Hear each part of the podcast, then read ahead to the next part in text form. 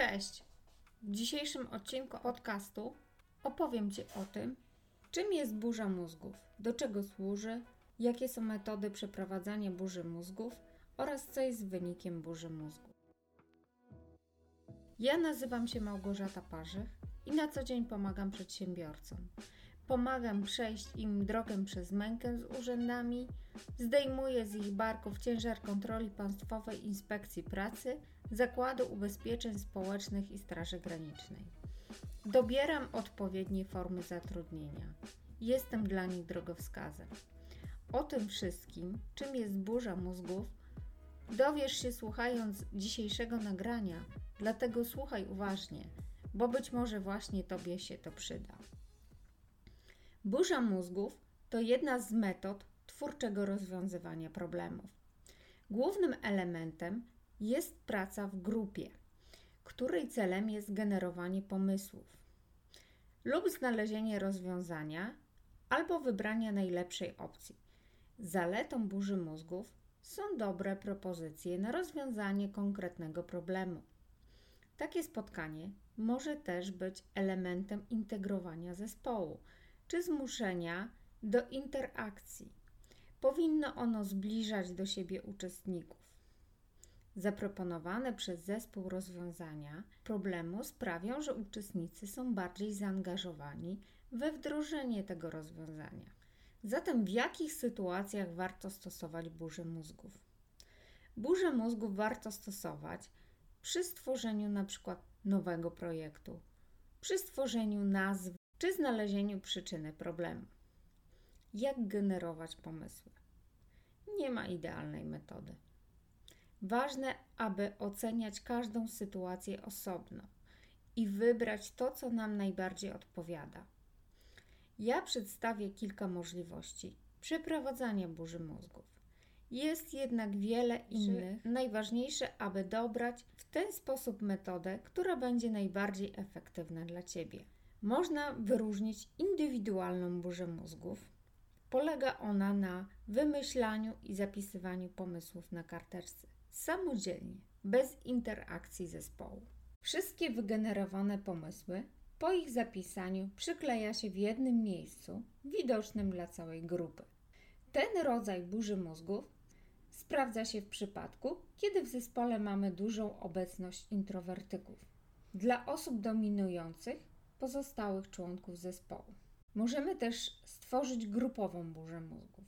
Polega ona na wspólnym wypracowywaniu pomysłów w grupie na podstawie dyskusji członków zespołów. Wszystkie pomysły zapisujemy na przykład bezwzględnie widocznym miejscu dla całego zespołu. Mission Impossible sprawdza się w sytuacji, kiedy zespołowi wydaje się, że już nic więcej nie mogą z siebie dać polega na proponowaniu grupie wyzwań osadzonych na poprzedniej sesji z burzy mózgów, które często wydają się z racjonalnego punktu widzenia niemożliwe, ale mogą być inspiracją do tworzenia ciekawych rozwiązań. Na przykład podróż dookoła świata bez walizki. Może być też zdalna burza mózgów. Przebiega bardzo podobnie jak klasyczna, Różni się tylko tym, że uczestnicy znajdują się w różnych miejscach. Grupa komunikuje się za pośrednictwem online. Metoda 635 polega na tym, że w sesji uczestniczy 6 osób. Każda z nich zapisuje trzy własne pomysły na karteczce i przeznacza na to 5 minut. Następnie karteczki podaje się osobie obok i ta osoba zapisuje trzy kolejne pomysły na karteczce którą otrzyma. W ten sposób jedna z osób generuje 18 pomysłów w zaledwie 30 minut. Metoda ta oparta jest na tworzeniu własnych pomysłów, rozwija rozwiązania innych.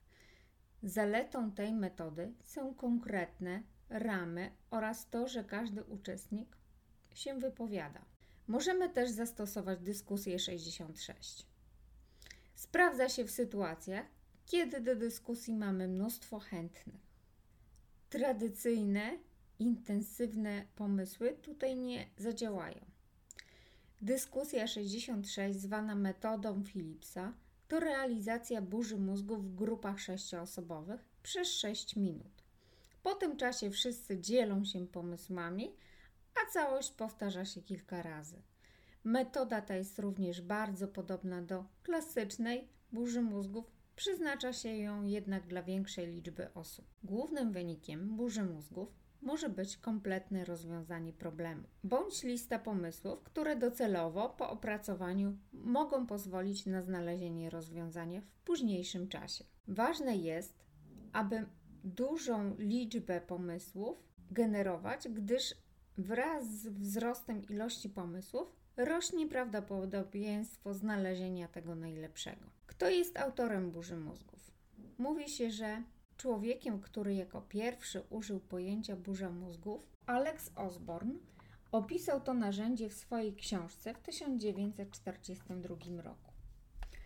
Osborne sformułował cztery główne zasady burzy mózgów, które mają na celu eliminować niechciane zachowanie uczestników, pobudzać proces, generować pomysły i zwiększać ogólną kreatywność zespołu. Skup się na ilości, czyli najważniejszą kwestią podczas rozwiązania problemów jest jak największa liczba wygenerowanych pomysłów. Daje to szansę do znalezienia sensownego i skutecznego rozwiązania wybranego problemu.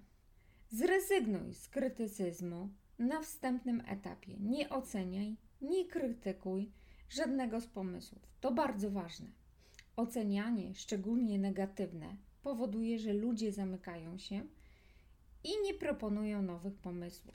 Otwórz się na nietypowe pomysły, nowe sposoby myślenia.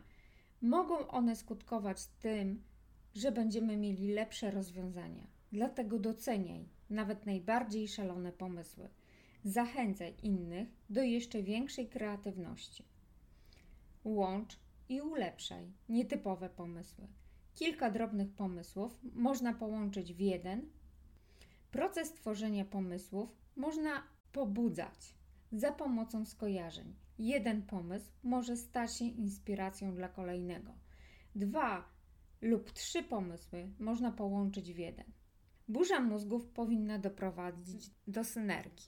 Nie ma odpowiedniej metody na wszystko. Ważne, aby oceniać każdą sytuację osobno. Wybrać to, co najlepsze, najbardziej odpowiednie.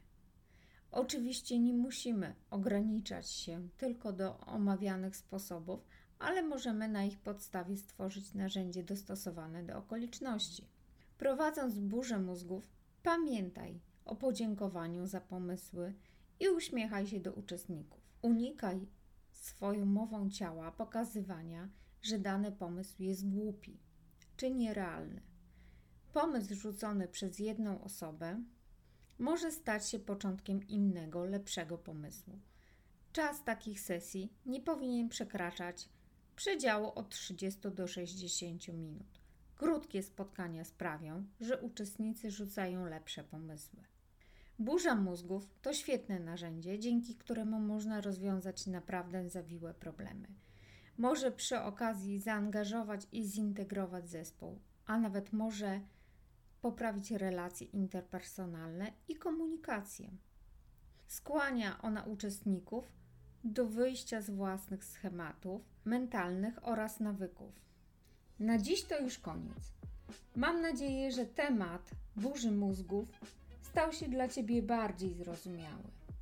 Wiesz, jak przeprowadzać burzę mózgów i jakie może przynieść ona korzyści. Jeśli podobał Ci się odcinek podcastu, zapraszam na następny, który pojawi się niebawem. Po więcej informacji zapraszam Cię na mojego bloga, na moją stronę na LinkedInie oraz na moją stronę na Facebooku.